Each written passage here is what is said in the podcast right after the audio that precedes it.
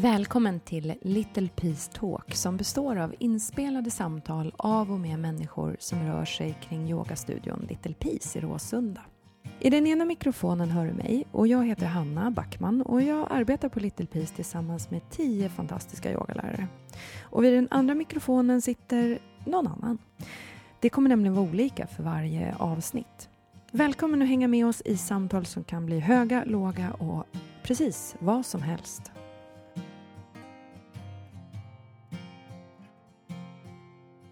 I det här samtalet möter vi Surja som driver studion Huddinges hjärta i den fina gamla träkyrkan i Huddinge centrum. Surja kan vara en av de mest utmanande personerna att försöka spela in en podd med eftersom han har haft ett exceptionellt innehållsrikt liv.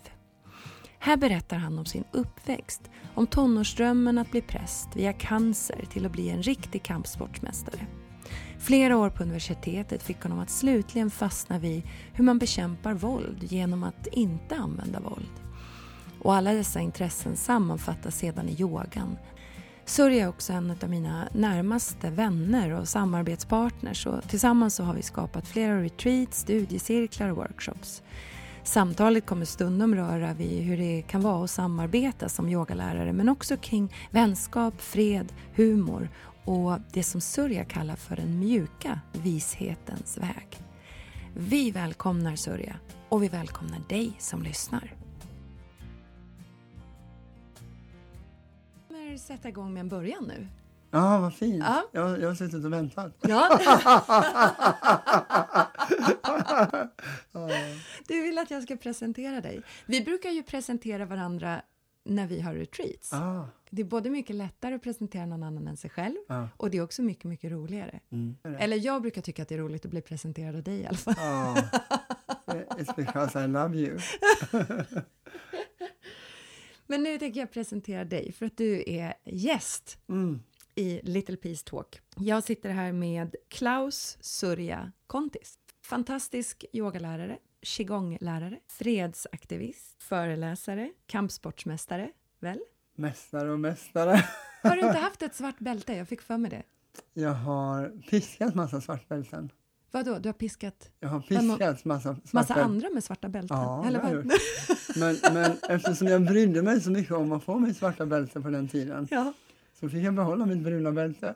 ja, det var lite så här... Ja, ja.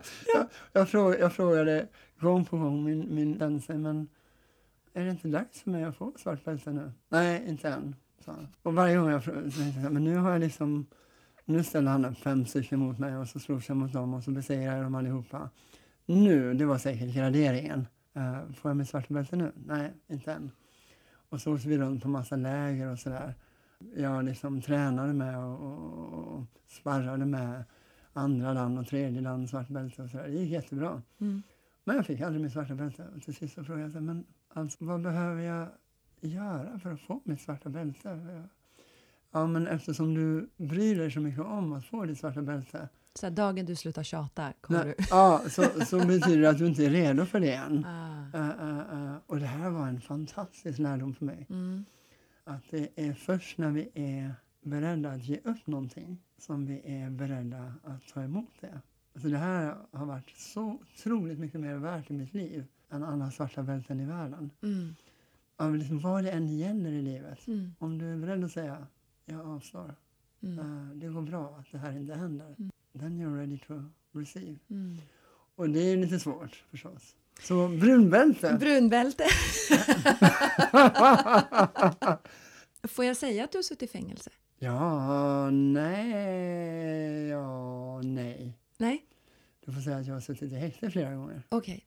Ja. Du har varit häktad flera gånger. Jag har försökt att få ett fängelsestraff utan framgång. Ah, ah, du har varit häktad flera gånger Ja. för eh, icke-våldsaktioner kan man väl säga? Eller? Ja, icke-våldsaktivism. Precis. Och du åker regelbundet runt i landet och föreläser om icke-våld, icke-våldsträning. Det händer. Ja.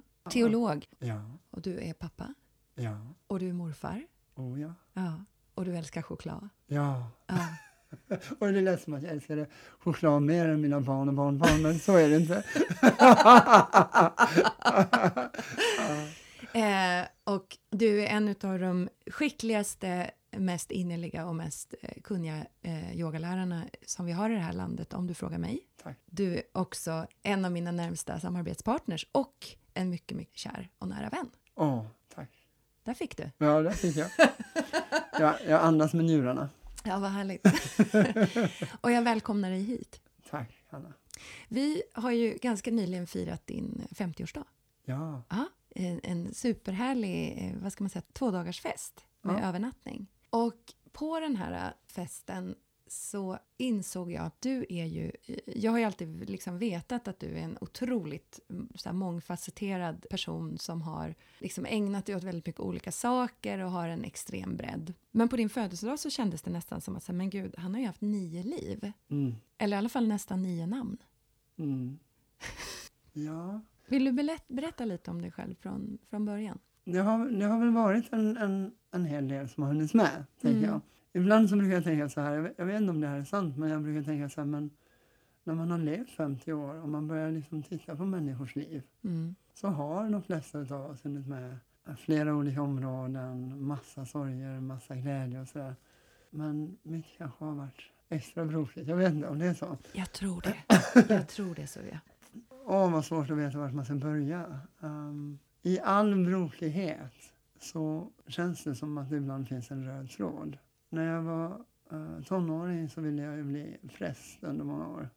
Alltså jag är lite grann den här, det här vet ju du. Mm. Jag tror är li, lika. Att när jag fastnar för någonting och så blir jag så helt eld och lågor och så går jag in för det. Ja, ja. Så när, när vi läste Antikens kultur och samhällsliv, det heter säkert något annat, eh, men då ville jag ju bli professor i antikens kultur och samhällsliv. Mm. Och sen eh, när vi kom in på naturvetenskapen så kände jag bara så ah, jag ska bli privatpraktiserande hjärtkirurg. Och, så, och sen kände jag, nej det här duger inte. Jag måste göra någonting ännu bättre. Jag ska bli präst. Så, så var mina tankar när jag var eh, tonåring. Ehm, så där någonstans eh, började det. Och sen eh, fick jag barn och cancer och gifte mig och skilde mig. Alltihopa innan jag var 20.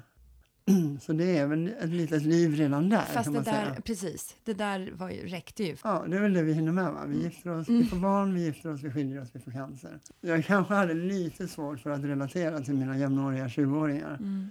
Eh, det hade jag nog. Och där någonstans blev jag också så här, nej det går inte med prästeriet. Eh, jag blev besviken på mig själv och på kyrkan. Och, Eh, du läste teologi, ja. men du säger att du studerade till präst. Du ville alltså, ditt mål var att bli präst. Ja, Ja. ja. Vad, vad växte du upp med? Liksom, fanns det någon slags religiös spirituell orientering i ditt hem när du växte upp? Nej, Var det något som väcktes i dig bara, ett intresse? alltså det enda som fanns var ju mormor och morfar. Och de var så...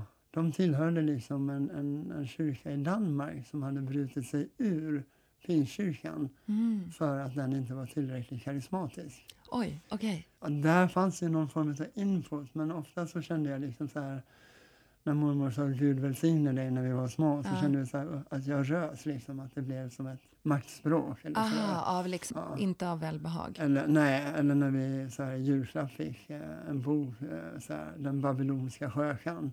så, så här, Tack mormor. Så mormor var för övrigt en helt fantastisk, underbar människa med ett skratt som bara fick Ja. själen till att sjunga.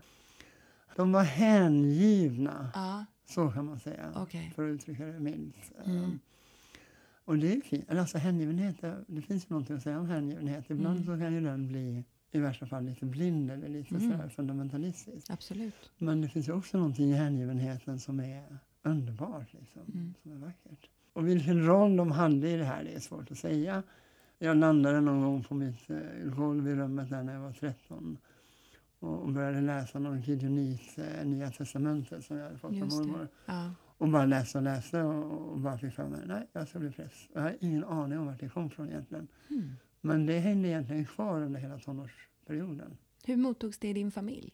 Jo, alltså det var nog liksom okej. alltså. Mm. Mm. Det fanns ingen, eh, det fanns ingen eh, tro eller kristendom, Nej. eller, men heller ingen aversion. Och sen så bytte jag på något sätt ut det här väldigt intensiva eh, mot att väldigt, väldigt intensivt, när jag lämnade kyrkan, eh, där när jag var 19, 18, 19, så kastade jag mig istället in i, i, i kampart eh, med min sensei under flera år. Mm. Han väckte mig på natten och, och, och sa nu ska vi öva kast på betonggolvet. Ja, det var liksom intensivt. Mm. eh. Och så pågick det i åtta år och under tiden så, så läste jag en massa andra saker på universitetet. Så fick jag för mig att jag skulle bli diplomat. Och, så då läste jag en massa statskunskap och sociologi. Gjorde det som jag hade svurit att jag inte skulle göra, gå i mammas fotspår. Mm. Eh, Var hon sociolog? hon var sociolog. Mm. Sen som av av en slump så halkade jag in på konflikthanteringen. Och det är så lustigt, man läser massa, massa saker. Och så läser man en termin av någonting och så visar det sig att det är det Mm. som man sen kommer att jobba med i 20 år. Fast vet du vad, jag, när jag lyssnar på dig så tänker jag att det kommer inte som en blixt från klar himmel. Teologin, Ja, kampsport, eh, sociologi, samhällsstudier. Ja. Alltså det, det är inte... Nej, för mig, har, för mig, åtminstone i efterhand, har det varit lätt Ja. att se röda trådar. Teologin kom faktiskt parallellt med att jag jobbade som konflikthanteringskonsult. Mm. Och så kom jag på att "Åh, jag ska nog ändå vara präst. Så då började jag läsa teologi på halvfart. Mm. Så då tog ju det åtta år. Mm. Så jag är en sån här universitetsöverliggare. Det är väldigt kul när Den man där jobbar... gamla snubben på campus. Ja, ja men verkligen. Eh, och det är jättekul när man så småningom jobbar heltid som yogalärare och har 14 års universitetsstudier bakom sig. Mm. Och för det krävs egentligen inga universi- universitetsstudier. Men allt det här leder på ett sätt fram till yogan för mig. Mm. Det jag ska säga om konflikthanteringen också, för att vi verkligen ska få med alla pusselbitarna, var att det ledde till att jag var med i en nystartad konflikthanteringsförening Mm. i Hammarkullen och som var väldigt inspirerad av, av plogbildsrörelsen som kanske på den tiden var den mest drivande icke-våldsaktivistiska grupp i, Mm. i Sverige. Så jag flyttade till Hammarkullen bara för att liksom kunna leva i det och bo i det. Och, Mm. och, och det ledde egentligen till hela min aktivistbana som så småningom ledde till att jag åkte till Palestina-Israel. Då var jag liksom inne, på den här tiden var jag inne på att bli icke-våldsmunk. Eh, inte munk-munk, men att, att avge ett icke-våldslöfte. Att Mm. viga sitt liv åt icke-våldsaktivism. Och, Mm. ja, men det här som, som man tittar på som barn, att stå upp för andra och ja, sådär. Mm. Att viga sitt liv till det. Och det var många, vi var många i, i det gänget som, som hade sådana tankar. Om icke-våldet verkligen ska bli levande i livet så måste jag någonstans där det finns mer konkret och påtagligt våld. Mm. Och då åkte jag med Kyrkornas världsråd till Palestina-Israel och var där nästan ett och ett halvt år. Och där mötte jag en person som gjorde en ashtanga-yoga-praktik varje morgon. Och då frågade jag så här, men kan jag, kan jag bara vara med en morgon? Och hon sa, ja, men jag, jag har inte tid att undervisa när jag gör min praktik, men om du vill så kan du bara haka på. Och jag gjorde det och tyckte det var helt fantastiskt. Mm. Jag kunde inte röra mig på tre dagar efteråt. När jag kom hem från Palestina-Israel köpte jag David Swansons Practice Manual Just det. och så började jag. Mm. Och för mig blev ju yogan det här klistret, den här Mm. union Mm. utav många delar i mitt liv. Eh, Den andliga aspekten, uh, icke-våldsbiten, samhällsengagemang Mm. och det som jag hade i kamparten, att det. eh, det fysiska, Mm. det andning, kropp Mm. band ihop många delar i mitt liv. Mm. Jag tänkte att vi ska återkomma lite till yogan eh, snart, men jag vill göra en liten paus kring det här med icke-våld. Du satte ju en bok i händerna på mig när du var hemma hos mig sist. Eh, och du är ju, du är ju fantastisk. Du dyker, ju- det kommer ju alltid upp någonting kring dig, lite som gubben i lådan. Så här. Eh, och det är en bok som handlar om icke-våld och den skrev du 2007. Eh, så den är ungefär tio år gammal. Och för rätt, rättvisans skull så skrev jag den tillsammans med Pelle Strindlund och Annika Spalle. Ja. Ni pratar om i den här boken att det är lätt att tänka på 1900-talet som fasornas århundrade. Och så radar ni upp massa olika våldshandlingar och krigshandlingar och förtryck som har skett. Och sen så, så visar ni också på att de jämte de här äh, återkommande katastroferna så löper en annan tidslinje eller en annan tradition. Och det är liksom den fredliga kampen segrar och att de finns Mm. också. Mm. 1900-talet är verkligen en explosion av eh, demokratikamper och mänskliga rättigheter och diktaturer som avsätts med fredliga medel. Och, ja, Mm. Massa sådana fantastiska saker. Kvinnokamp. och- Bredvid allt det andra som också, eh, alla katastrofer som också, världskrig och genocides och sådär. Stor fråga, men hur kan vi stoppa våld och förtryck utan att själva använda våld? Mm. Det är en jättestor fråga. Och Kanske så vill jag ändå liksom börja med att säga att um, det, det här behöver inte vara så storslaget alltid. Jag tänker att... Um, jag, kanske vill börja med citatet att, att Don't ask what the world needs from you. Ask what makes you come alive. Because what the world needs are people who has come alive. Alltså det är någonting i att vi med media, med att vi har hela världens katastrofer, alla krig och svältande och har vi liksom in our face hela Mm. tiden. Det gör det liksom omöjligt nästan att vara en bra människa. Vi bär världen på våra axlar. Gör det världen bättre? Gör det oss lyckligare? Höjer det vår energi på ett bra sätt? Kanske inte alltid. Där skulle jag vilja börja liksom. It's okay. You're okay. Eh, Du behöver inte ta allt. När det är sagt. När vi får lov att komma från lust och glädje, när vi får lov att komma från hjärtat, då tror jag att omsorg om oss själva, om varandra, om livet hänger ihop. Okej, tillbaks till vad som behövs då. Jag älskar eh, en amerikansk feminist som har skrivit en, en underbar bok som heter Web of Life, Barbara Deming. Och hon har en symbol där hon håller upp ena handflatan framåtvänd och andra handflatan uppåtvänd, som man ibland brukar kalla för icke-våldets två händer. Mm. Och den här uppåtvända handen, den handlar liksom om att alltid bjuda in och hålla tag i människors mänsklighet. Jag vill bemöta dig respektfullt. Jag vägrar att släppa taget om att du och jag är jämlika. Men den här handen som är liksom som en stopphand, Mm. den är, jag kommer göra allt som står i min förmåga för att hindra våld och orättvisor och övergrepp. Och jag kommer göra vad jag behöver för att stoppa det här Mm. utan att göra det våldsamt. Det här tänker jag är ju otroligt spännande att rikta inåt. Eh, Det här är egentligen yogans... Alltså om vi går historiskt eh, så är det här en, återigen en sammanfattning. Allt är ju en sammanfattning av yoga. Eh, Är det därför du stannar kvar vid yogan? Ja. Yogiska etiken sammanfattas ju i ahimsa, vägran att skada någon annan levande varelse Mm. med tankar, ord eller handlingar. Det är ju egentligen ursprungligen ett hinduistiskt, buddhistiskt, jainistiskt, österländskt filosofiskt, individualistiskt, religiöst begrepp. Sträva efter att inte skada någon annan levande varelse. Det tog Gandhi och gjorde om till ett kollektivt politiskt begrepp som han kallade för satyagraha. Och vi känner igen, från yogan känner vi igen satya eller satnam och sat, Mm. san. Och vi känner egentligen igen graha också som är det här med att vi, vi slänger oss fast med saker. Mm. Och det som Gandhi menade att vi skulle slänga oss fast vid var sanningen. Mm. Och vilken sanning var det då? Jo, sanningen att den andra är lika värdefull, eh, lika omisslig som jag. Alltså även förtryckaren, även den som gör någonting fel. Mm. Så den sanningen klängde han sig fast vid i sin kollektiva politiska kamp för rättvisa för mänsklig värdighet. Och hela den här politiska icke-våldskampen som vi har med Gandhi och Martin Luther King och moderna aktivister kommer egentligen ur samma tradition som yogan har hämtat sin filosofi ifrån. Same, same, but different. Några av oss står och gör asanas Mm. och några av oss bryter oss in på eh, vapenfabriker och avrustar. Mm. Eh, same, same, but different. Det är Hoppsan. liksom when to take action. Ja, ja. Stefan Einhorn har skrivit en bok som heter Konsten att vara snäll. Mm. Och, och ett av de citaten från den boken som jag älskar är Livet är så pass vist inrättat att det är omöjligt att vara snäll mot andra utan att det kommer oss själva till dels. Mm.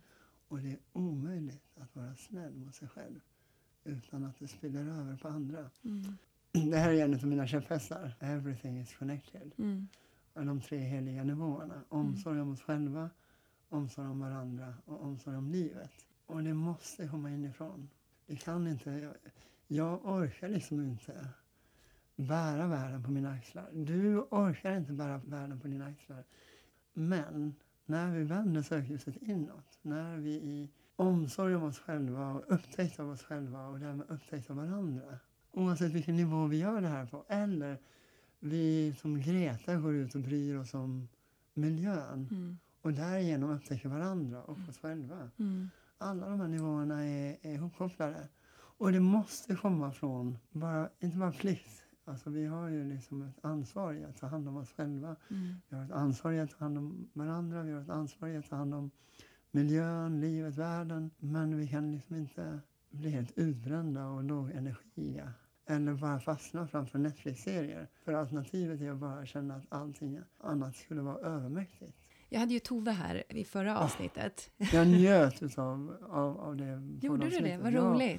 För Tove är ju liksom lite, om man får säga så, hon är ju i allra högsta grad sin egen, men hon är ju lite vårt yogabarn. Ja, hon är, hon är vårt yogabarn. Tove, du är vårt yogabarn och vi älskar dig som dina yogaföräldrar. Och jag njöt, jag blev så inspirerad av din podd. Jag vill bara få lov att säga det. Ja, men vad roligt. Mm. Vad roligt. Men Tove berättade ju, och även Greta Thunberg har ju också berättat att, att man på något vis har kommit till en punkt där man inser att jag är en person med kapacitet Mm, och kan lägga den på att försöka göra den här platsen bättre för oss alla. mm, Och jag tänker att skillnaden mellan det och att bära världen på sina axlar är lite hårfin. mm. Var kom din drivkraft ifrån? Icke-våld och pacifism Mm. kan ju kännas närbesläktade men icke-våldet har ju också, det är ju action i Ja, det, det är det är ju action. handling Mm. liksom. Den han- Så, så vad har din handlingsdrivkraft? För du, om vi bara ska, jag tror folk blir lite nyfikna, vad är det du, vad är det du har varit involverad i? Mm. Jag vet ju att du klättrar över lite staket och lite grejer. Ja, ja. Bryter in. Och det så- det, och det, jag började, måste det, säga- började, det började med svensk vapenexport. Ja. Eh, eh, det här otroliga i att vi, eh, vi är ett av världens främsta vapenexporterande länder sett per, per capita. Helt galet. Vi har legat på nummer ett flera tillfällen. Mm. Och det finns ju massa sådana siffror vi kan slänga oss runt med men att liksom två tredjedelar av alla flyktingar som kommer till Sverige de kommer från områden dit vi har skickat vapen. Och sen tycker vi så här, nej men det här blir ju, vi, vi vet inte om vi vill ta emot dem men vi vill gärna skicka vapen dit ner. Mm. Ja, och, ja, man kan göra mycket kring det men där kände jag, jag, jag fick också någon sån här, en av de sakerna som gjorde att jag började engagera mig där var faktiskt att någon höll upp en A4-sida och så vek den i fyra delar. Och så började med, med 25 procent av A4-sidan Mm. och sa den här A4-sidan det representerar de pengar som världen lägger på vapen per år. Och så började med den här 25 procent och sa det här är mat till alla i världen. Det här är husrum till alla. Det här är kläder till alla. Mm. Det här är utbildning till alla. Det här är att fixa ozonlagret. Mm. Det här är att fixa oljekatastroferna. Det här är och så vidare och så vidare. Mm. Allting som jag kunde komma på att man behövde fixa.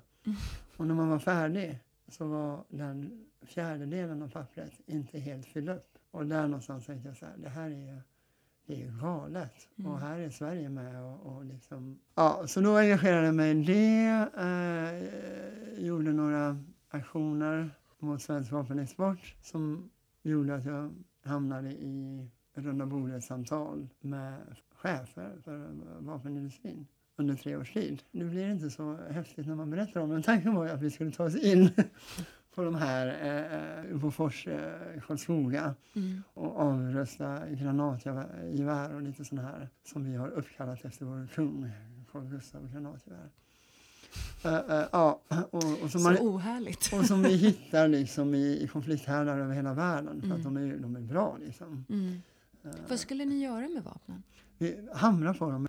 Jaha, Så, så, så det som var i flodbildsrörelsens symbolik var ju lite grann att det ska de kom- blev helt krokiga liksom? Ja, ja Mm. man, man, man, man påbörjar en omsmidnings, en omdaningsprocess där Mm. vi gör om vapen till spadar och, och Mm. sådana saker. Alltså sånt som kan ge liv Mm. istället för sånt som tar liv. Mm. Det är väldigt, väldigt symboliskt men tanken är att man gör dem obrukliga Mm.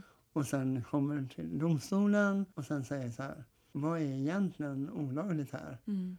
Att förhindra någonting som man vet kommer leda till att oskyldiga människor sätter livet till Mm. eller att skeppa iväg de här Mm. eh, trots att det liksom strider mot eh, våra egna riktlinjer och så vidare. Mm. Ja, så då jag ägnade mig åt svensk vapenexport och, och, och runda bordet-samtal. Jag skrev en liten bok som hette Samtal med ett vapenföretag som för övrigt inte är särskilt bra. Den var mer sådär dokumenterande, men ja, det var en spännande process i alla fall. Sen blev det brittiska kärnvapen i Skottland. Mm. Och det var lite blockader, men även försök till att komma fram till de här Trident-ubåtarna som ju är värld, som åtminstone då var världens mäktigaste massförstörelsevapen. Mm. Ubåtar som är tre fotbollsplaner långa. En ubåt har förmåga, kapacitet att förstöra hundra stycken storstäder. Och Storbritannien som då hade, de hade tre. På vilket sätt förstör de storstäder? Alltså, Alltså det är stridsspetsar. om det, ja. men du säger att det är ubåtar? Och det är ubåtar med hundra eh, atomkärnvapenstridsspetsar. Som, Som har, alltså de har förmåga att, att leverera kärnvapen ja, som är liksom flera gånger starkare än Hiroshima och Nagasaki. Ja. Åtta gånger någonting sånt. ja. Och de har hundra stycken sådana stridsspetsar på en ubåt. De skulle kunna skicka dem hundra på ja. hundra storstäder. Liksom genom luften? Och genom Och luften. De är svåra att stoppa. Ja. Och det är enorma summor Mm. och det är enorm miljöförstöring och det är enorm prioritering på massförstörelsevapen. Alltså en av de grundläggande reglerna i krig, krigets regler är ju att man inte ska gå mot civila. Mm. Så per definition så blir ju kärnvapen en förberedelse för, för folkmord. Ja. Och det är förbjudet enligt internationell lag. Mm. Jag tenderar liksom att tänka att det är slut där. Men jag har faktiskt eh, eh ja, varit med och icke-våldstränat lite med eh, Ship to Gaza, Föda på våra villkor, ockupationen av, av BB Sofia. Mm. Jag tror att många människor har väldigt lätt att sympatisera med den där lilla liksom, gummibåten från Greenpeace som åker upp mot det här stora skeppet och hur de börjar ta sig upp för repstegar och sådär. Jag, David mot Goliat. Precis. Jag tror att många eh, kan beundra det civilkuraget. eh, Det är svårt att ifrågasätta de aktionerna. Och jag tror att vi gemensamt, som etiskt och moraliskt, har lite olika steg vad vi kan tycka är okej. Vems rättigheter är det som Skyddas. skyddas i första hand? Mm. Det är en jättebra fråga. Jag tror att få människor kan stå upp för vapenexport eh, och eh, tillverkning av vapen. Men det finns en konsekvens. Om man går in och förstör en fabrik så är det ju också väldigt mycket människor som kanske förlorar sina jobb. I den bästa av världar så skulle man ju tillverka någonting annat i linje med samma typ av ingenjörskap eller kompetens i de fabrikerna. Det hade ju varit det allra, allra bästa. Vems idé om icke-våld står över någon annans ägande, lidande, arbetssträvan eller vad det Mm. eh, eller någon annans liksom, rätt att få skapa ett bra liv för sig själv och sin familj. Mm. Jag tänker, är det Va? alltid enkelt? Alltså, ah, nej, nej, jag tycker inte att det är enkelt. Alltså när du säger rätt att skapa ett eh, liv för sig och sin familj, Mm, då, jag tänker bara på grisar och kor. mm, Eh, de förödande konsekvenserna det får för dem. mm, Så, så jag, hör, jag hör ju någonting annat. mm, Och samtidigt så är det ju en, det är en jättebra fråga. Vem, vems värden ska få lov att väga tyngst? mm. Finns det en subjektivitet i icke-våldet? Ve- Vem har rätt till vad, så att Mm. säga. Det måste vi ju samtala om och det har vi olika liksom, tankar om. Mm, Jag tänker att civil olydnad är en otroligt viktig del av det demokratiska samtalet. Att det är viktigt att vi med respekt för alla, eh, med öppenhet tar ansvar för de sakerna vi gör och sen så får vi i samhället och i rättegångar och på andra sätt diskutera vad är vettigt här. Det som ofta händer är ju att eh, icke-våldsaktivister får fängelsestraff. Det är liksom del av aktivismen. Det är en del av aktivismen, man räknar in det. Mm, Och när vi tittar tillbaka på människor som vi berömrar i historien mm, som har stått upp för jämlikhet mellan Mm. svarta och vita. Emily Frankel som har stått upp för kvinnors rättigheter och kvinnors rösträtt. Och, och mm, massa sådana här. Så har de alla tillbringat tid i fängelse. mm, De har alla sagt jag tror att det här är rätt. Och, och många i den tiden på samhället tänkte inte så. Och idag så tänker vi så här. Tack och lov att de tog den smällen. mm, Eh, det betyder inte att alla som tar en smäll nu har rätt eller att vi kommer se på dem så i framtiden. mm, Men jag tänker så här. Skulle jag vilja att nynazister agerade med civil olydnad? Väldigt gärna. De får jättegärna bryta lagar så länge de gör det öppet, ansvarstagande, med respekt för alla de möter och så kan vi ha ett samtal i, i domstolen efteråt. mm. Men det är ju inte det som händer. Nej. Så jag, jag tycker det finns mycket gott att säga om metoden i sig. Mm. Så att säga. Den kan naturligtvis användas som alla metoder för dåliga ändamål. Mm. Det finns en del sådana här grejer som där man har smetat ut grisflod på stridsflygplan. Mm. Det kanske jag tycker är inte ett bra sätt. Jag skulle säga att det blir en ganska stark fokusförflyttning. Ja, ja, det blir det. Vem som har rätt och vem som har fel, det, det vet vi inte. Nej. Men det får liksom samtalet och historien avgöra. Mm. Så det vi kan göra är att försöka behandla varandra med respekt under tiden som vi inte alltid ser på saker på samma sätt. Mm. Och en del av det är att, att ibland så kommer vi gripa in mot saker. Vi pratade ju någon gång, eh, det var ganska länge sedan du och jag, eh, vi satt och lekte med tanken på saker som man, som man ser bak i tiden, som framstår som, som eh, väldigt märkliga för oss idag, men som var verklighet då. Mm. Eh, när vi växte upp så satt föräldrarna och rökte i bilen. Alltså, kvinnlig rösträtt är ju ett ganska nytt fenomen. Berlinmuren har fallit, alltså det är massa grejer. Hope in the darkness. Yes! Och det, det är för övrigt en boktitel som är helt fantastisk. Du har ju alltid en bok att referera till, Ja, Skalman. Och Skalman plockade upp en bok ur sitt skal. Och ett citat också. Men då pratade du och jag om vad är det vi gör nu som vi i framtiden kommer titta tillbaka på och bara det där var bananas. Och jag trodde mikrovågsugnen skulle vara en sån grej. Att vi inte kommer att mikra grejer. Mm. Och jag vet vad du sa. Vad sa jag? Har du någon aning om det? Uh, jag har kanske någon idé, men jag, Ja, säg, säg. nej, du sa så här. Idén om hur vi kunde tro att vi stod över andra levande varelser, att vi hade rätten att producera dem, ha ihjäl dem och äta upp dem. Det, det, var Du det, jag trodde, det var det jag trodde. Det, det uppvaknandet tror jag att vi kommer komma till och att vi kommer titta tillbaka på. Vad, hur, vad höll vi på med? Liksom. Mm. Man kan alltid hoppas. För att knyta an till någonting som jag vet, inte vet om det kommer med eller om det klipps bort. Mm. Men så tror jag fortfarande på, och jag tror att våra val ska komma inifrån.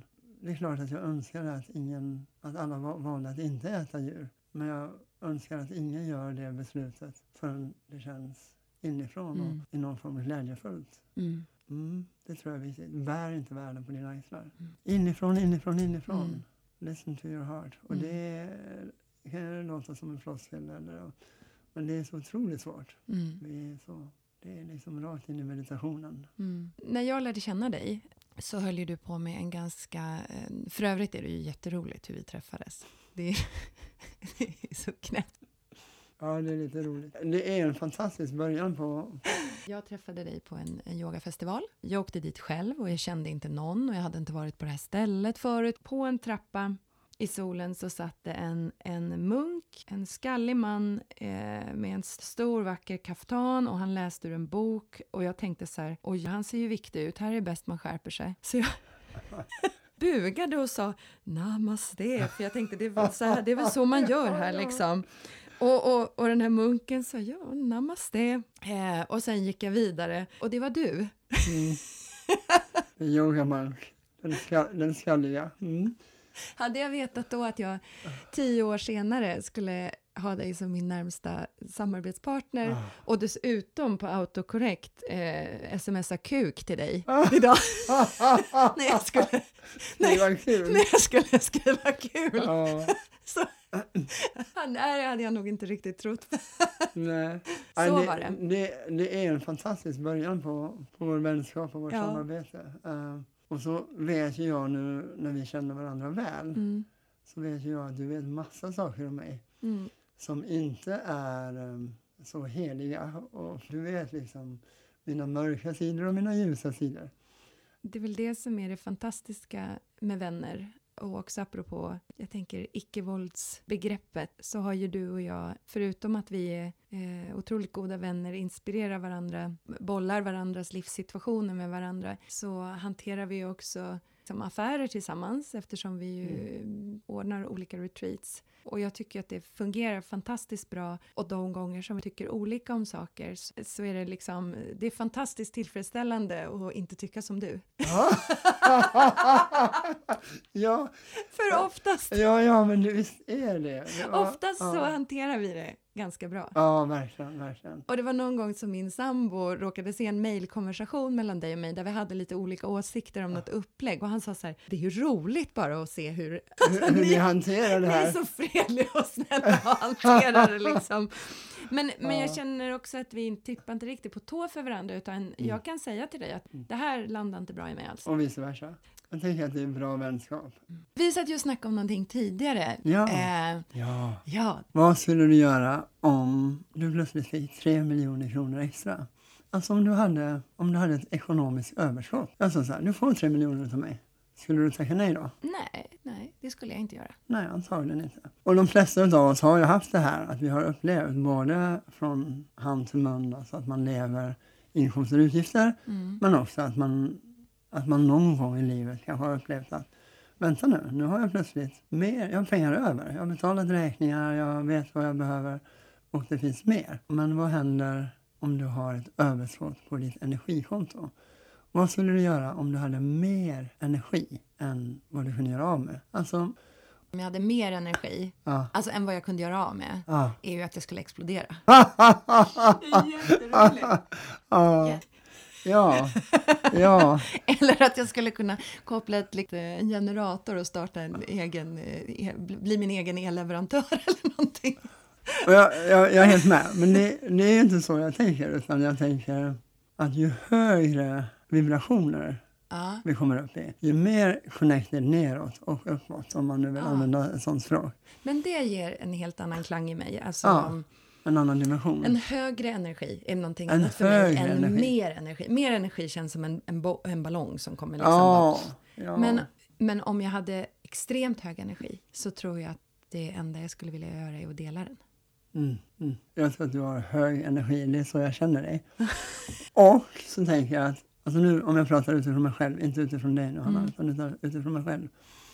När vi ibland är stressade och inne liksom i något sån här drivet men lite stressat sjok Mm. så kan man ju uppleva att man är effektiv och driven och ja, jag är upptagen nu, jag har mycket planerat och jag får mycket gjort. Så här, du, du, du. Det Och- tycker och jag det- känns som två ja, saker. ja, men visst är det det. Ja. Visst är det. Ja, min, min poäng här är bara att, att göra åtskillnaden. Mm.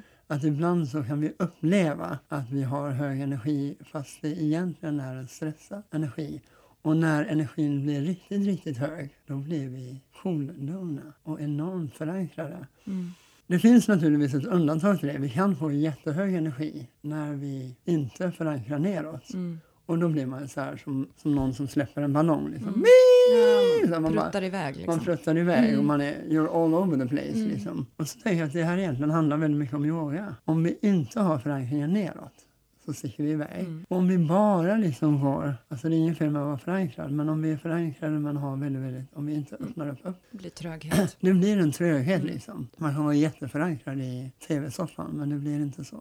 Det blir inte så eh, härligt ändå på något sätt. Skulle man kunna översätta hög frekvens till stark närvaro? Stark närvaro, stark glädje, Mm. eh, mycket liv, förmåga att, och det hänger ihop med närvaron, förmåga att uppleva och ta in Mm. mycket. En elev för länge sedan gjorde så starkt intryck på mig. Han sa varje gång jag väljer en ny lärare så letar jag efter någon som skrattar mycket. För om de inte skrattar mycket så har de ingenting att lära mig. Mm. Det har liksom på något sätt stannat hos mig. Både när jag har letat efter lärare själv Mm. men också när jag på något sätt har känt in vad är det för lärare jag vill vara. Och jag tror att den här goda humorn är en av frukterna på att man är på något sätt närvarande. Och då måste man vara förankrad och ha lite öppningar på. Och så är det inte alltid. Jag är jättesplittrad ibland och är jätteonärvarande. Och, självklart.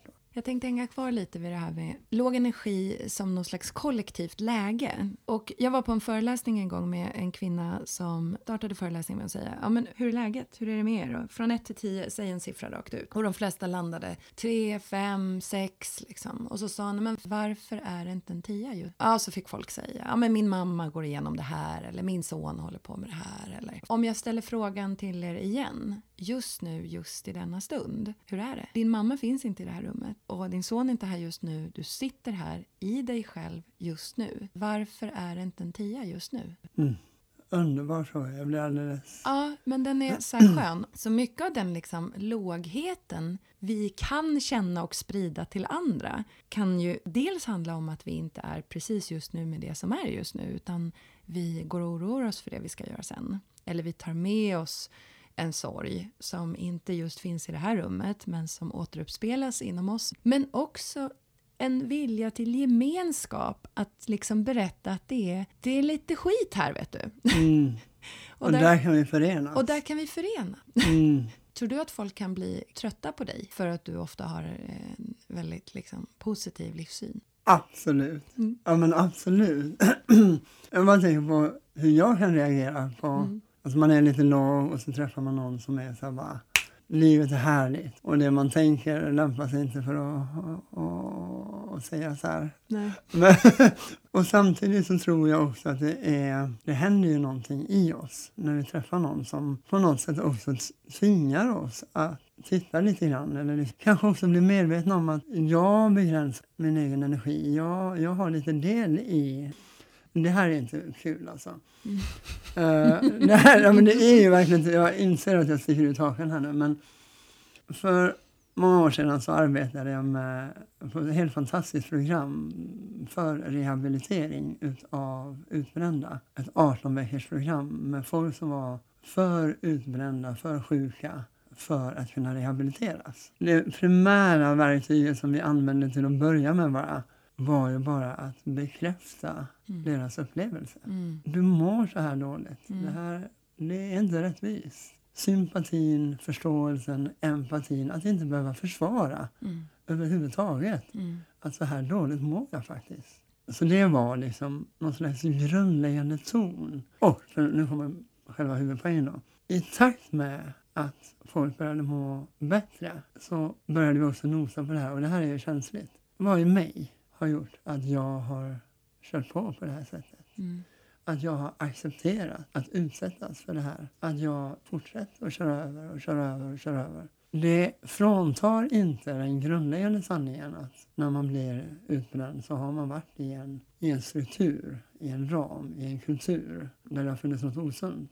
Och för att komma vidare så behöver vi så småningom säga vad i mig kan jag ändra? Vart har mitt hjärta varit för, för öppet utan att kunna säga nej? Mm. Kan det rent av vara så att jag har investerat min energi för att sänka min energi? Ja, det tror jag vi gör hela tiden. Både i att eh, släppa in för mycket, tacka ja till för mycket. The stories we tell. Precis. Det kollektiva HH ja ja-läget ja. är ju faktiskt att vi investerar tankekraft och tid i att liksom befästa verkligheten tuff och tung. Och det är någonting annat än att sitta med det som på riktigt är tufft och tungt. Ja. Det är ju ett väldigt konstruktivt sätt att vara med det som är. Ja. Istället för att plöja upp en ny fåra i relation till andra av att det är jobbigt. Jag tänker på han, oh, vår kära statistiker som dog. Hans Rosling. Hans Rosling, ja. Mm som ju lyfter upp vilken del av verkligheten är det vi väljer att berätta mm. och fokusera på. Mm. Inte så att det inte kan finnas något legitimt i alla delar. Mm. På en låg energinivå så är det väldigt, väldigt sant. Mm. Att jag är trött, att jag har lite ont i knät. Alla de här sakerna är legitima, sanna. Mm. Om jag vibrerar upp lite grann, Mm. lite högre, så, så rör de här sakerna inte ens vid mig. Mm. Alltså det finns helt andra saker jag fokuserar på. Och det kommer in tacksamhet och glädje. Och mm.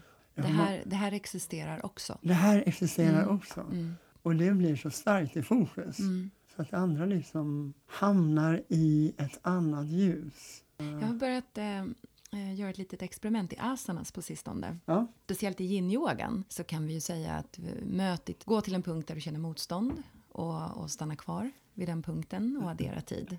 Och sen bevittna hur det här motståndet förändras. Mm. Och det är ju fantastiskt på ett sätt, ett sätt att arbeta med motstånd både i kroppen men också metaforiskt Mm. i vårt vardagliga liv. Men det finns ju också massa platser där du inte har motstånd.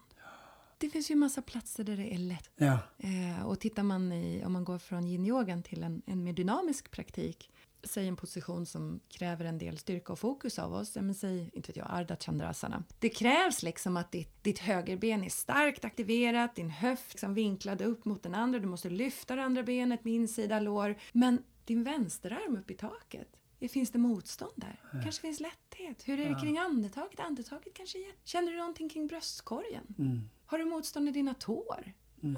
Det här finns också just nu. Allt som inte jobbar just nu. Vackert, då är det ett begrepp som dyker upp här som, som är fint. Jag är glad att det begreppet finns. Spiritual bypassing, som ju alltid eh, är i andra änden. Mm. Alltså att vi i vissa lägen och kanske ibland i yogasammanhang liksom vill hoppa över det här som är svårt. Mm. Och så bara, ja, men om jag, om jag bara säger vi ska alltid tänka positivt. ehm, eh, vi ska alltid ha hög energi. Uh, fastna inte i de här smärtan, det är bara... eh, ja, och så vidare. Så. Mm. Då är det liksom att vi missar det här med att, vi måste igenom. Vi måste igenom det, Vi kan inte- precis. Vi kan inte gå över det, vi kan inte gå under det. Nej, just det. så, ja, och sådär. Ja, men det blir som att torka tårarna, smeta på läppstift och Ja, gå ut. Liksom. ja, ja. Men det kommer ju ligga kvar. Ja, det, är inte, det här var inte alls det du sa, men det var Nej. den associationen jag fick. Att å ena sidan så finns det en rad verktyg i yogan som hjälper oss att vara mer närvarande, att ha mer flöde. Att, eller jag försöker i alla fall sluta att säga att hitta mer balans, men att, att lära oss att vara balanserande. Mm. Men använda det som ett verb. Och i balanserandet ingår ju att man tappar balansen och hittar den och tappar och hittar. Det finns en rad sådana verktyg som hjälper oss att inte gå runt och inte gå över och inte gå under det svåra utan att gå in i och igenom. Vi behöver allvarliga, det svåra, vi behöver humorn. Och det här går så lätt att säga Mm. men det här kommer inte vara bekvämt. Utan ibland kommer det suga fett. Mm. Att titta på bitar i sig själv som inte är så härliga. Att ehm, möta de tuffa, svåra, smärtsamma sakerna som om vi är privilegierade att leva tillräckligt länge vi får möta i livet. Förluster, skilsmässor, eh, sjukdom, död. Men allt som liksom ingår i liv. Vi behöver liksom den botten för att kunna lyfta ansiktet och bara skratta djupt. Mm. För att kunna säga nu väljer jag att gå från du till du. Mhm. Och bara höja min energi upp. Men är det inte på något sätt vetskapen om att allting existerar samtidigt? Så lite som en kameralins så kan jag rikta det mot det där som gör väldigt ont Mm. eller som är motstånd eller som känns tufft. Mm. Och så kan jag liksom suga bak den där linsen och så kan jag se att och samtidigt så har jag liksom ett underbart hem och fantastiska Mm. vänner och jag har och solen skiner idag också. Ja, Och vi liksom klarar av att, att hålla mer av vad livet kan vara. För livet, eh, livet liksom väller ju mot oss. Jag känner att yogapraktiken gör vår, liksom vår bägare större. Jag känner att jag kan omfamna mer Mm. av det som är. Både det som vi skulle kalla för jobbigt och det som vi i första läget skulle kalla positivt. Och sen också vetskapen om att det som vi först kanske väljer att tycka att det är en motgång eller negativt, vi har ingen aning om det ska bli liksom den största gåvan på samma sätt som att det som kan verka positivt just nu kanske blev liksom världens lärdom.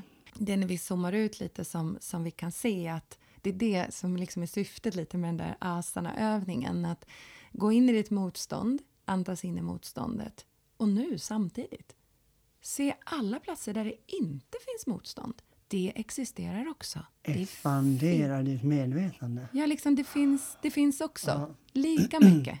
Mm. Och precis så är det ju i vårt liv.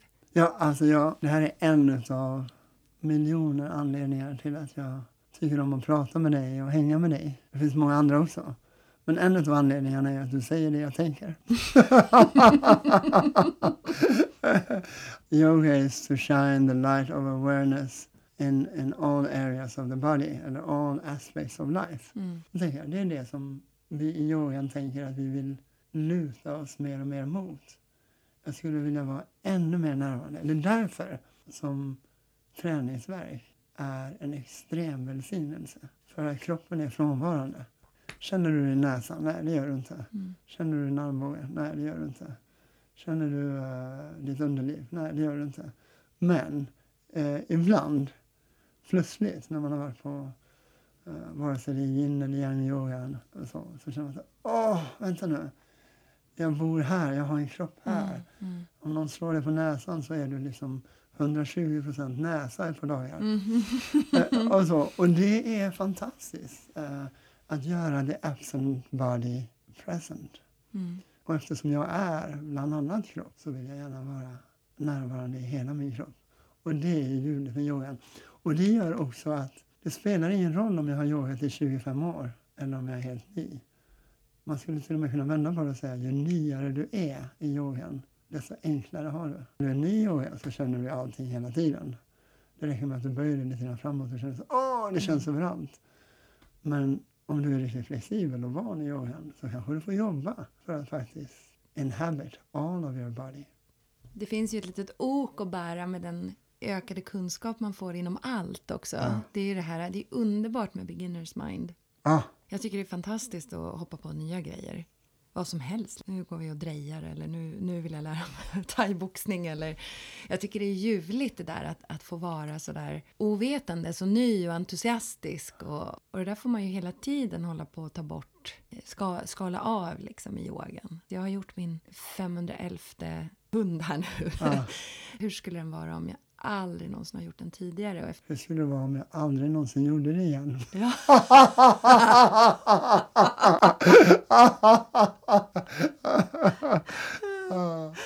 ja, the love of learning ja, tänker jag också är någonting som vi delar. ja, ja, Eh, verkligen. eh, ehm, och som jag tänker egentligen är en allmänmänsklig egenskap som, och som också är en av de delarna som jag brinner för att stimulera, stärka hos dem som söker sig till yogan. Mm. The love of learning. Jag, jag undervisade av någon anledning på Roms yogafestival. Och i vimlet där så ser jag en kvinna, 80-85, svårt att säga. Men det lyser om henne. Hon har långt grått hår och hennes ögon är levande. Hon går åt andra hållet. Och, och vi möter varandra och våra ögon liksom ser varandra och bara så här fastnar vid varandra. Mm. Stannade upp. Och, så, och hon, hon började bara säga så här, men you know, today I, I've been doing yoga for 40 years and today I, I discovered something most magic, most wonderful.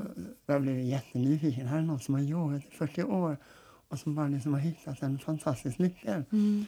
Tell me, tell me, what is it? Och jag kommer inte riktigt exakt ihåg hur hon formulerade sig men det handlade helt enkelt om att hon hade upptäckt att yoga inte alls handlade om vad någon annan sa utan enbart om vad som hände i henne. Mm. Att det bara var den inkännande, utforskande aspekten som hade någon betydelse. Mm. Att, att det var helt och hållet hennes upplevelse Mm. Mm. som var resan. Mm. Jag blev så lycklig av att höra och så sorgsen över att det hade tagit 40 år. Jag tänkte så här, någonstans längs med vägen så måste det väl varit någon yogalärare som hade liksom kunnat förmedla Mm. the love of learning, the love of discovering, of being in your own power, in your own exploration, in your own development. Och att jag ibland i yogan kan uppleva att vi inte med vilje, men ibland med alla eh, biomekaniska instruktioner och allt, allt som är, hamnar i ett rätt och feltänkande. Mm. Hur många gånger har du haft en elev, Hanna, som har frågat dig, gör jag rätt nu? Det är någonting som verkar i mig kring den frågan. Mm. Ja, gud. Ä- ä, Där jag, där jag liksom känner så här, hjärtat, hur skulle du någonsin kunna göra fel? Och en bit i det som jag in, insett är att när min undervisning har blivit mindre rätt och fel så har jag förlorat uh, massa elever. Mm. Eh, på samma sätt som um, kyrkor som blir mer nyanserade och komplicerade det. i sina svar förlorar Mm. medlemmar. Och, och de kyrkorna som är mer svartvita liksom, har i vissa sammanhang tenderat att få mer. Det är faktiskt samma anledning som vissa politiska analytiker Ja. eh, tillskri- förklarar varför SD SD, gick ja, upp nu. För ja. att det fanns inte tillräckligt mycket tydlighet från de andra partierna. Nej. Ibland är det också det här med nyansrikedomen. Mm. Att, att vill du vara nyanserad och komplex så är det inte riktigt lika lätt. Då behöver du, du behöver lite mer tid på det för att vara tydlig. Du måste vara säker på att den du talar till kan förstå den nyanseringen. När jag lärde känna dig så höll du på eh, både med flygande yoga, acroyoga, och du höll på med en mer dynamisk yogaform. Eh, som du sa själv så var ditt intro till yogan var ashtanga-yogan, som ju är en mycket dynamisk eh, yogaform, ett, ett tydligt system. Mm. Och sen så har du även hållit på med den här väldigt biomekaniskt fokuserade virya-yogan Mm. eh, med Josefin Selander, ska vi väl säga. Och du var ju då en, en otroligt stark vinyasa-lärare. Mm. Vi höll ju våra liksom, vinyasa-klasser tillsammans. Mm. Och sen så fick du ont i knäna, eller hur? Mm. eller var det ett knä? Mm. Ja, Var det så småningom. som gjorde att du drog åt yin-yogan. Och där känner jag också en sån här koppling. Det är som att allting i ditt liv liksom hakar i varandra. För där upplever jag en sån här koppling med icke-våldet. Mm. Eh, och jag vet inte om det är du själv som har myntat begreppet den mjuka vishetens väg. Det är det. Ja, du är ju en wordsmith också. Det, det både är det och är inte det kan man säga. I, I den formuleringen är det ju det. Och så tänker jag att på något sätt så i, i begreppet Tao så ligger ju, översätts ju ibland med vägen. Mm. Och därifrån till den mjuka vishetens väg är det inte så långt. Du ska ju komma till Little Peace i eh, juli, va? Åh, Är det? Och ha din grundutbildning. Ja, fantastiskt roligt. Mm. Din utbildning har ju fått... Den, alltså, det bara regnar ju ros över den. Ja, ja det, det verkar nog, eller det, jag tror att det är det, bland det mest tillfredsställande och lyckade jag har gjort i yoga och utbildningssammanhang. Och känna vilken längtan det finns efter den mjuka vishetens väg på djupet. Mm. Ibland tänker jag på samhället som motsatsen. Samhället är ibland, ibland ett uttryck för den hårda dumhetens väg. Vi kör på, vi, det är prestation för äh, individ. Och, ja, men det är liksom många sådana här saker som bara är, är dumt när vi tänker på det. Mm. Men som liksom ändå blir samhällets äh, jingel. Och då blir det så tydligt att yin-yogan blir en motkraft. En, Mm. äh, någonting som klingar mer i harmoni med våra hjärtans längtan. Men jag Mm. tänker hållbarhet också. Jag vet när du, när du liksom insåg att de här knäna håller inte för liksom vinyasa-praktik längre. Vi hade ju båda börjat gå över till yin-yoga och Mm. liksom hållit både praktiserat och i vårt samarbete så, så bad du att jag, jag skulle vilja ta de här mjuka praktikerna mer eh, och så kan du, du liksom Mm. la över mer utav det dynamiska på mig. Du är dessutom en vinyasa-drottning, Hanna. och då vet jag att du sa så här, det känns så fantastiskt. Med yin-yogan så har vi en praktik som vi kan åldras med. Alltså det här kommer aldrig ta slut. Mm. Den här praktiken kommer jag långsiktigt. hålla på med. Det verkar som att det inte bara är jag, Mm. utan som att många yogalärare med tiden, det är liksom inte en ovanlig utveckling att man går mot mjukare former. Mm. Stillsamma. Mer stillsamma och för mig är det både yin och meditation och qigong som har fått en större och större bit eh, istället för den här mer dynamiska. Mm. Det har blivit lite mindre acro-yoga, mindre dynamisk yoga. Och nu mår ju knäna bra. Så att, eh, Mm. Det har varit na- en naturlig utveckling för mig. Mm. Och det är väl bra. Ja. Jag tror inte man får liksom glömma att, att yoga asanas är en liksom, Levande. Mycket levande och, och väldigt ung del Ja. av utvecklandet av yoga asanas är ju, är ju liksom det är ju en så mikrobit om man ser till hela yogahistorien. Mm. Så varför skulle vi inte vara i ett konstant utvecklande utav det? Ja, Eh, men om vi ska stanna kvar lite vid yin då. mm, gärna. Vad är det, vad är det som är så fantastiskt med yin-yogan? Oj, jag älskar eh, att vi rör oss över till taoismen. Alltså jag, jag har en förkärlek för, för yogafilosofin. Mm. Det, det blir min ingång. Det är Mm. det som makes sense av idag. Och för mig har taoismen och, och även eh, den traditionella kinesiska medicinen varit så här bara, åh, som en smekning av själen. Ehm, och i, I det här långsamma inkännande, som, där vi jobbar med tålamod och acceptans och compassion, eh, där det mörka och det ljusa får vara med samtidigt. Där mina vältränade 20-åringar och mina underbara eh, 80-åringar ligger och gör samma position eller anpassar Mm. med enkelhet. Att rikta sökljuset inåt, bejaka sin, sin egen vishet. Mm. Det är ljuvligt. Ehm, så tänker jag, för att ta en av alla de här eh, teman. Vishet är någonting som är svårt att sätta fingret på. Men för mig så, så rimmar ord som långsamhet, acceptans, medkänsla och inte minst avslappning. Mm. Eh, nästan som synonymer till vishet. Mm. Först en väldigt, väldigt stressad människa. Det är nästan omöjligt att vara vis och stressad Mm. samtidigt. Mm. Föreställ dig någon som är väldigt, väldigt avslappnad. Åh, fan, det är nästan omöjligt att vara väldigt avslappnad och dum.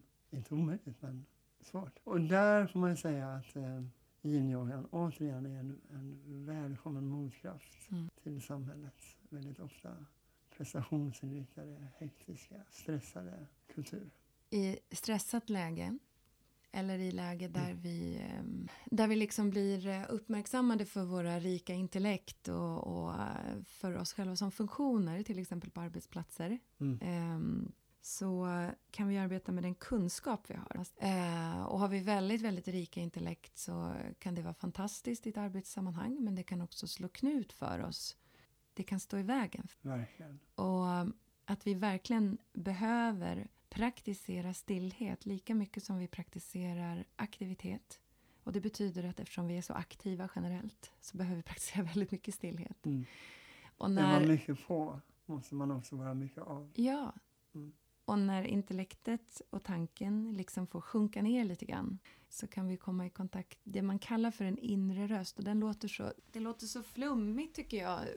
Jag tror mer att det kommer som en slags kompass där man vet att men det här, det här är sant för mig. Det är det här jag vill. Det är det här som är vägen jag ska gå. Och ibland kan den naturligtvis vara åt samma håll som tanken säger. Mm. Och det är väl jättebra. Det är väl det vi kallar för att leva i sanning. Men ibland så kan det dyka upp en annan röst. Och det är väl det som är visheten kommer i det stilla, i det, i det tysta. Och kunskapen ligger det vi har studerat och erfarenheten och det vi producerar och det vi liksom i vårt görande. Och kanske, varför få spinna vidare på det, det här blir jätteroligt att säga, det jag Mm. ska säga nu. Jag tror att Vilken Mm. uppladdning. visheten ligger mycket i det ordlösa. Mm. Och, och, och, och i, det alltså i icke-aktiviteten. Mm. Det är därför jag tror att jag har så svårt med det där en inre röst. För för mig, eh, det är inte en röst. Det är inte liksom... Själv har jag många inre röster. Har du det? Fan vad läskigt. Du, du. Ät den där chokladbullen. Nej, gör inte det! Jo, gör det! Nej, men du kan... Ja, och så vidare. Frågan är, vilken inre röst är det egentligen jag ska lyssna på? Precis. Men det ska bli otroligt eh, roligt att få eh, Ah. liksom hosta din, eh, din utbildning. Det ska bli jättekul. Eh, När är det? Det är i juli. An, ah, se. nej, jag, jag, vet, jag, jag vet, det var bara för att jag vill ha in det. Andra till sjunde Ah. juli är det. Jajamensan. ja. Kan inte du säga något klokt avslutande så att jag inte får sista ordet? Det kan jag inte, för du kommer att mumla någonting. Eh, Det är ju så svårt med dig, för du är ju en av de bredaste personer jag känner. Eh, inte fysiskt. du är så bred. Utan, utan du har ju haft ett liv som har inneburit så himla, himla mycket.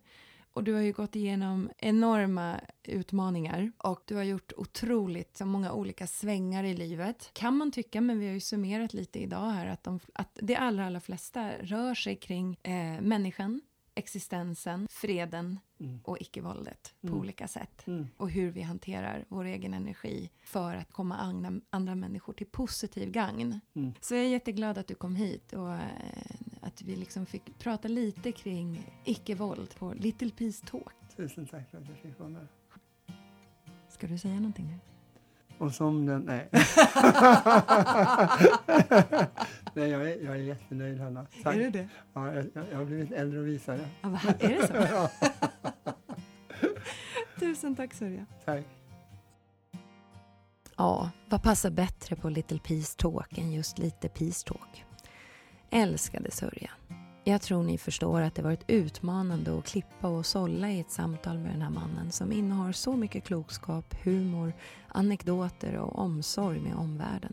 Och han är en sån sann inspiration när det kommer till att vända motgångar till något positivt och att öppna upp människor, både som yogalärare, föreläsare och vän. Vem blir inte lite kär i Sörja?